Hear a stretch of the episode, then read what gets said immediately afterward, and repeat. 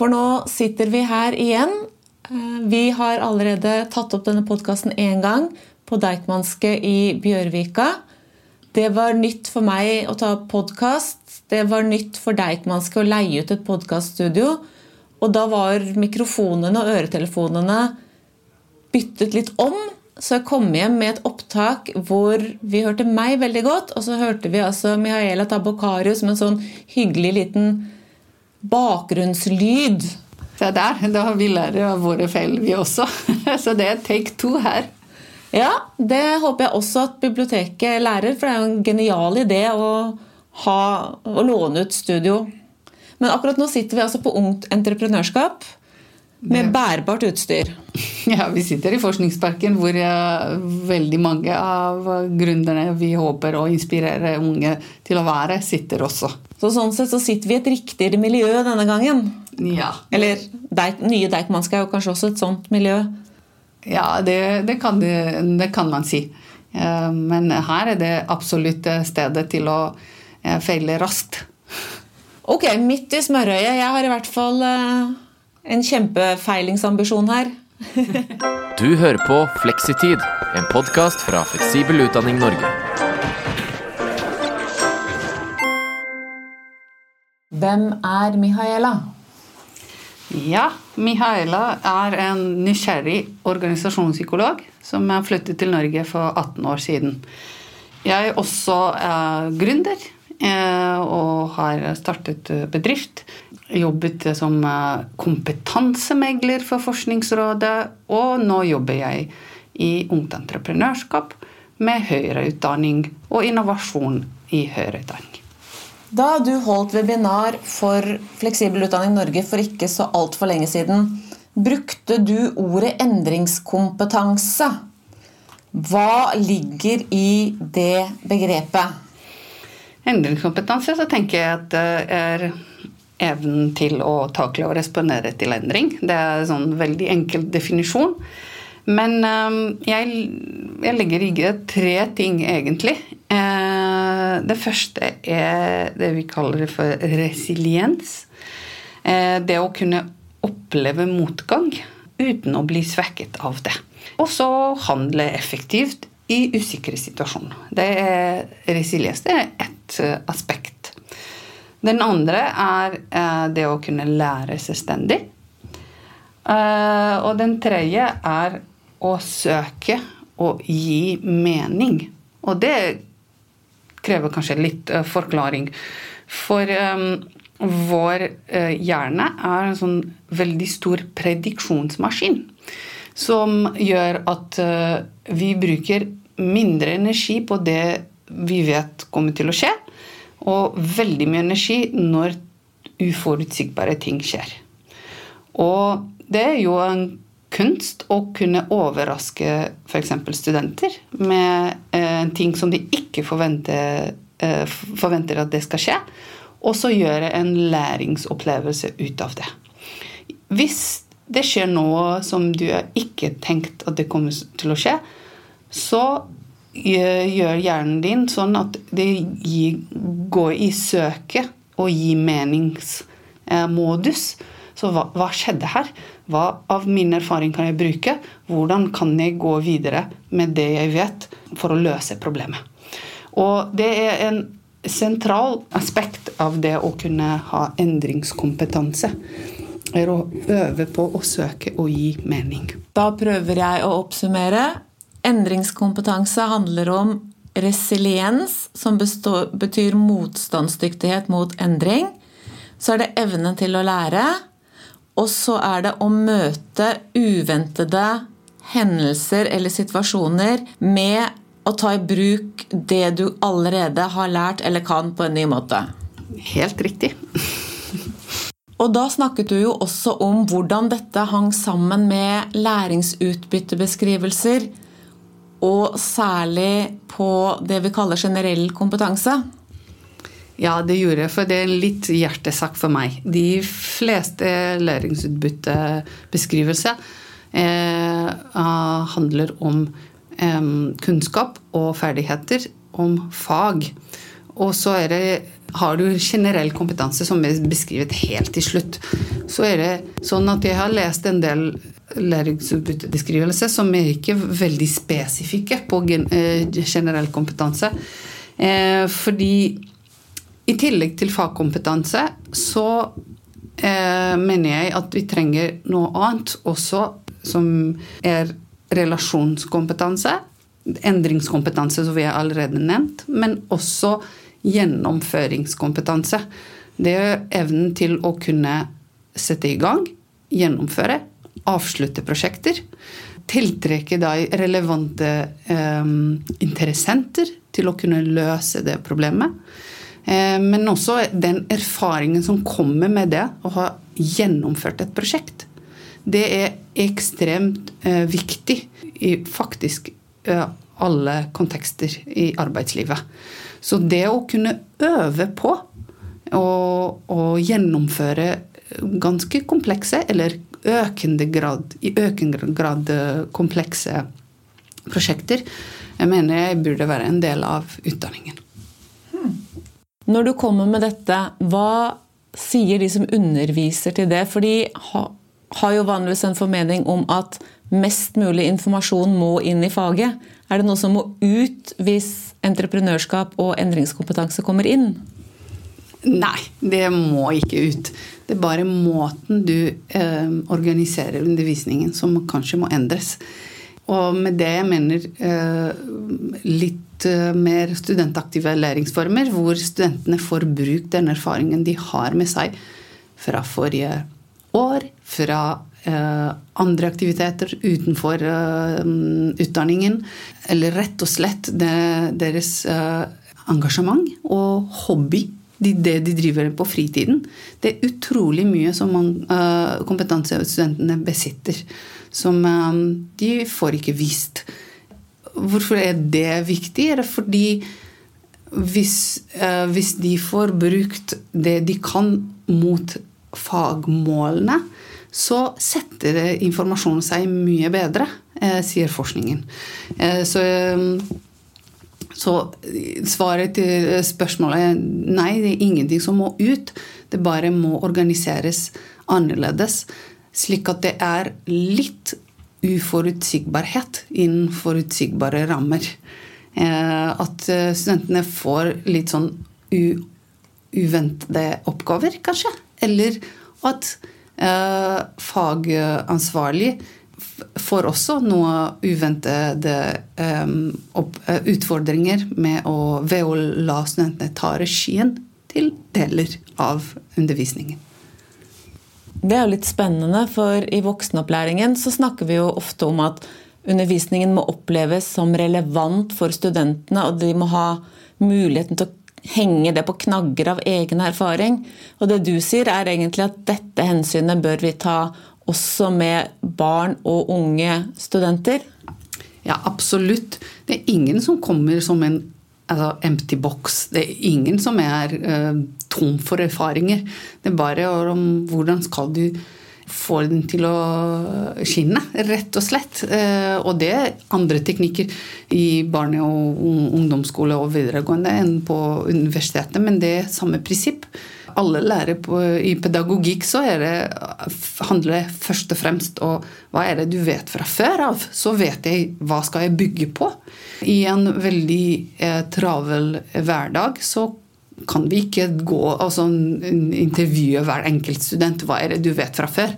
Men det fins mange fine måter å tilrettelegge for at studentene får vist fram hva de vet fra før. Ved å f.eks. gi en konkret oppgave istedenfor å gi den på slutten av semesteret. Så gjør jeg innenfor første uke. Samme eksamenoppgave, f.eks. Og så sier de studentene dette her blir eksamenoppgaven deres. Eh, så kan dere prøve å løse så godt dere kan. Da, på slutten av en uke f.eks., hvis de får prøvd seg fram og brukt den kompetansen de vet de, eh, de, har fra før av, så vet de også hva de ikke har. Og da plutselig all den undervisningen som kommer etter, blir mye mer relevant. For da vet de hva de kan, og vet de hva de ikke kan. som de må lære av. Så er det da motivasjonen deres for å lære mye større. Ja, og det var jo et helt konkret tips som, så vidt jeg kan se, alle som underviser kan ta i bruk. Tilbake til ungt entreprenørskap. Ungt entreprenørskap har programmer for å øve opp elevers og studenters endringskompetanse. Og det må jo bety at innovasjon kan læres. Men hva ligger i et sånt læringsprogram? Innovasjonsprosesser er veldig fin, øh, Det går veldig fint å lære øh, bort, men det må også oppleves. For det er en type erfaring som du tar med deg. Det er noe annet å lære om entreprenørskap enn det å lære gjennom entreprenørskap. Eh, og det vi jobber med eh, veldig mye eh, i høyere utdanning, er at studentene får mulighetene til å se muligheter og gjøre noe med det. Det er ikke bare å se muligheter, men også den gjennomføringskompetanse å gjøre noe med det. Og det kan være som en del av en veldig akademisk program. Det har vi gjort i det siste på Universitetet i Oslo og norskprogrammet, så har de hatt et sånn intraprenørskapsprogram for en veldig egentlig veldig tung akademisk eh, utdanning. Men de studentene der de trengte også arbeidserfaring. Så eh, lagde mine kolleger i Oslo et program som passer til den utdanningen. Mens eh, for de som studerer entreprenørskap og innovasjon og prosjektledelse, eh, passer bedre å starte egentlig en studentbedrift som du jobber med en, eh, et semester eller et helt år. Så legger du den ned. Uansett eh, lengde så er målet det samme. At du skal få med deg innovasjonskompetanse som er relevant for arbeidslivet når de kommer ut av eh, høyskole, universitet eller fagskole. Og når du snakker om elevbedrift eller studentbedrift, nå er det jo ikke så lenge siden det var eh, norgesmesterskap i elevbedrift. Hva innebærer et sånt program? For da snakker vi om barneskole eller videregående skolenivå, vil jeg tro, eller ungdomsskole? Ja, vi har jo uh, sånne mesterskap for alle nivåene. På elevbedrift så er det ikke helt en nasjonalmesterskap, men for ungdomsbedrifter og for studentbedrifter så er det det. Jeg er jo ansvarlig for studentbedrifter, eh, og den eh, nasjonalmesterskapet for studentbedrifter som var i eh, begynnelsen av juni, så er det studenter fra alle universitet og høyskoler rundt omkring i landet som har dette seg som pedagogisk program, som kommer og konkurrerer for premier. Og studentene pitcher på scenen. De har intervjuer med jurymedlemmer fra næringslivet og fra det offentlige. Og så må de stå på stand og vise fram hva de, de har som tjeneste eller produkt. Og så mm, finner de andre studenter som har kanskje samme interesser. Og så har vi gjort det sånn at på stand sammen med studentene eh, sitter også gode hjelpere som kan hjelpe dem på vei fra studentbedrift til AS. Vi har invitert jo um, Gründergarasjen og Startup Lab og Startup Norway. Um, Innovasjon Norge, Patentstyret Alle de gode hjelpere som kan hjelpe dem som, som vil satse videre på å være gründer, eh, til å kunne lykkes. Vi har jo partnerskap med mange av de. Men studentbedrift trenger ikke å være bare veien inn til en AS. De kan jo godt eh, bare erfare hva er å gå fra en idé til et produkt eller tjeneste. Eh, og for det er ikke en lineær eh, prosess. Det er ofte mange fram og tilbake. Og ja, hvem er, kunne være interessert? Skal vi søke råd? Eh, de må knytte seg til seg en mentor. Så det er kjempemye erfaring som de får med seg der. Og så kan du putte inn fag. Det er det som er greit. Det her er bare en, eh, et rammeverk. Så kan gå for alt fra marinbiologi til eh, sosial- og helsefag til prosjektledelse og innovasjon. Bare en måte du underviser på, rett og slett. Men så ble jeg litt sånn spent når du raskt nevnte noe om at dere også hadde et samarbeid med Universitetet i Oslo på norskfaget. Kan du fortelle litt mer konkret om hvordan dere har klart å få entreprenørskap inn i et så veldig akademisk fag? Og, og er et tverrfaglig studie. Hvor har du filosofi, eh, matematikk, fysikk og da eh, tror jeg IT, som er de linjene hvor studentene kommer fra. Der har det vært to piloter i år, og fra, fra neste år så blir det forhåpentligvis et fast uh, opplegg. Hvordan? Det er gode hjelpere. En foreleser som var ekstremt interessert i å gi studentene arbeidsrelevans. Og første uh, piloten vi hadde i fjor høst, så var det en ekstern oppdragsgiver Eh, var Hafslund Ekko, som kom med en veldig generell utfordring til studentene. Hvordan kan vi få folk til å bruke mindre strøm? Og det var veldig bred, eh, så da måtte studentene jobbe ganske lang tid for å snevre inn. Hva skal vi ta, ta fatt i fra alt det her som kan være svar til det? For vi er så vant til å gå rett på løsning. Mens eh, i en sånn entreprenørskapsprogram så har studentene øvd på å stå i den usikkerheten du har først og fremst, å stå i det problemet for å kunne komme med eh, et svar som har eh, impact på slutten av en sånn prosess.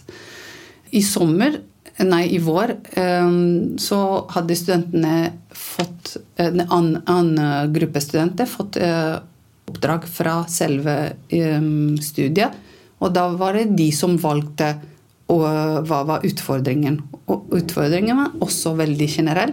Hvordan kan vi få folk til å bruke mindre mobiltelefonen? Og da, da måtte studentene Ok, da, de var allerede på løsning dag én.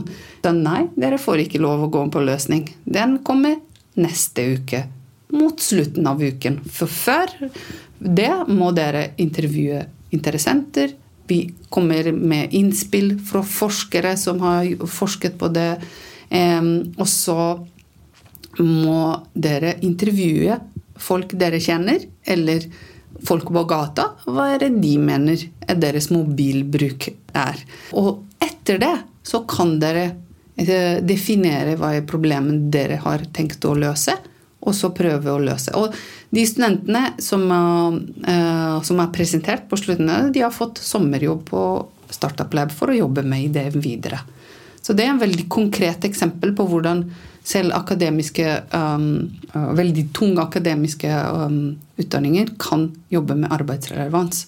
Med innovasjonsprosesser. Uh, Ikke nødvendigvis at de starter en bedrift, men uh, innovatører trenger trenges overalt.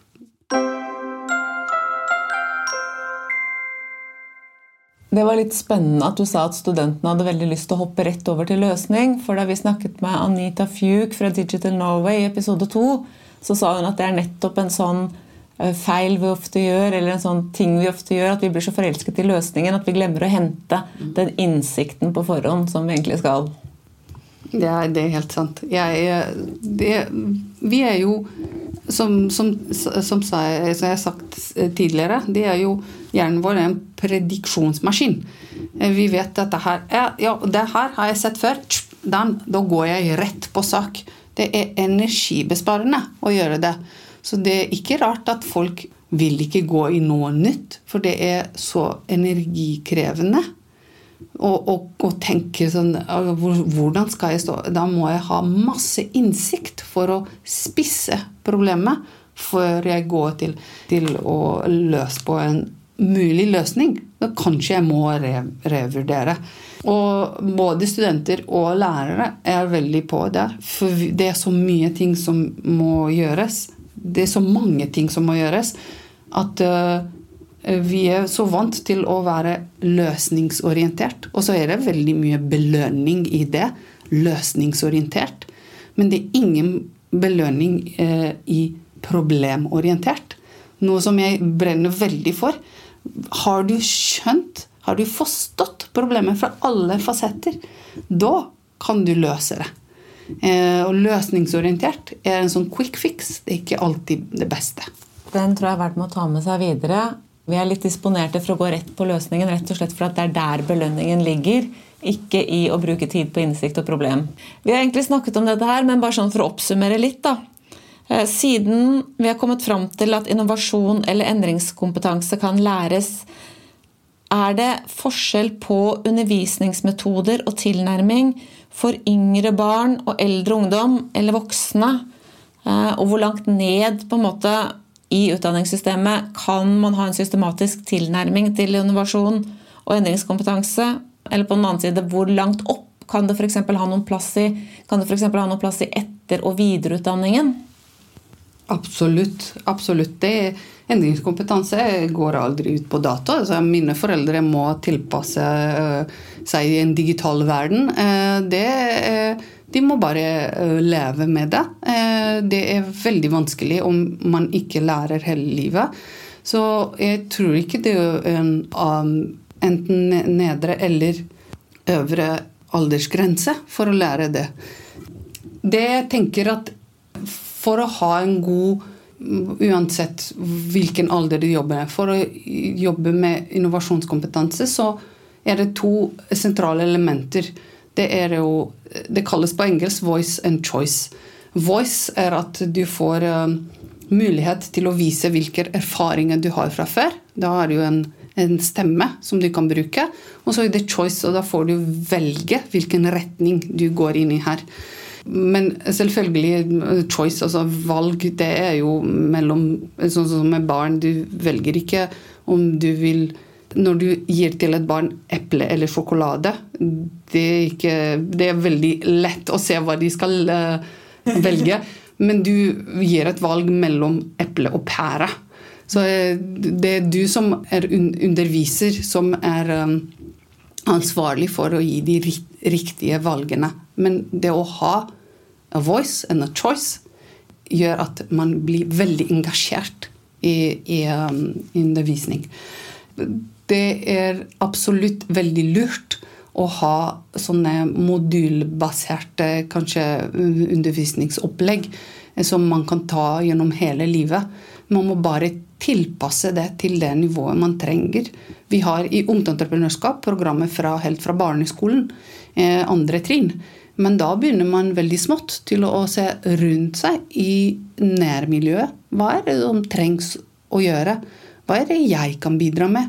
Hvem andre kan gjøre eh, det sammen med meg?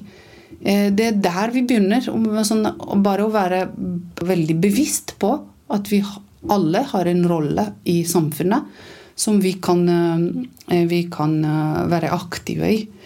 Mens på høyere utdanning så trenger du noe helt annet. Du trenger en annen type utfordring. Kanskje du trenger å finne utfordringen selv for å kunne være motivert. Kanskje du må velge gjennom fem stykk ting som du kan jobbe med. For da har du valgt det. Og du har lagt Da kan din stemme bli hørt gjennom din valg av utfordring.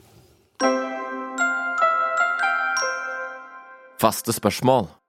Hva er innovasjon for deg? Innovasjon, som jeg har sagt tidligere, er å se mulighetene og gjøre noe med dem.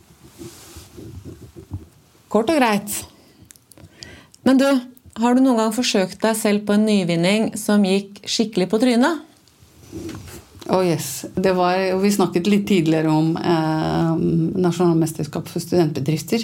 Det skulle jeg prøve på en helt ny måte å få studentene til å bli kjent med hverandre. Så brukte jeg et opplegg som het World Café. Hvor studentene måtte sette seg eh, rundt et bord med andre ukjente fra før-studenter. Og så måtte de bytte bord etter en halvtime. Og så har jeg tenkt det var veldig fin opplegg. Da skal jeg bruke det tre bytting, for da får du dybde på de spørsmålene som jeg har satt. Etter det første runde så gikk nesten alle studentene, for de tenkte de var ferdig. Og når jeg tenker tilbake på det, så er det fordi jeg sa i instruksene at dere må være med på minst ett av tre mm, samtaler Da har de sjekk på ett, så gikk de etterpå. Så sier jeg ok, det, jeg gjør ikke det neste gang. For det var veldig pinlig for alle de snøene som ble igjen. det har vi også lært at uh, man kan lære av sine feil, og det du sa, at det gjør du bare ikke neste gang. Ja, det, det er bare det. Og så var det noen studenter som var veldig eh, ivrige, så var det helt til slutt så man må rett og slett justere forventninger også, for jeg var veldig trøtte etter eh, pitching og juryintervju og sånt. Så ja, det, det, har jeg lært. Uh, og det er ikke det første og ikke det siste gang jeg gjør feil. Forhåpentligvis ikke. Har du på den andre siden en innovasjonshistorie som du er stolt av? Det må jo være uh, den bedriften som jeg startet for syv år siden. For den uh, gikk gjennom mange uh, runder med det som kalles det i gründerspråket pivoting, av det vi skulle tilby. For jeg begynte med sånn, en lær, læringsteknologibedrift, så endte jeg opp med, som en læringsdesignbyrå. Syv år senere så er uh, jeg ute um, av daglig drift. Um, og er det fire ansatte uh, og masse prosjekter som, som går det er, min, det, det, den tingen som jeg er mest stolt av å ha skapt. Noe som lever uten meg også. Du har nå hørt podkasten Fleksitid fra Fleksibel utdanning Norge. Vi jobber for at god utdanning skal være tilgjengelig for alle, uavhengig av bosted, livssituasjon og individuelle behov. Det ble effektivt når vi tar det gang to.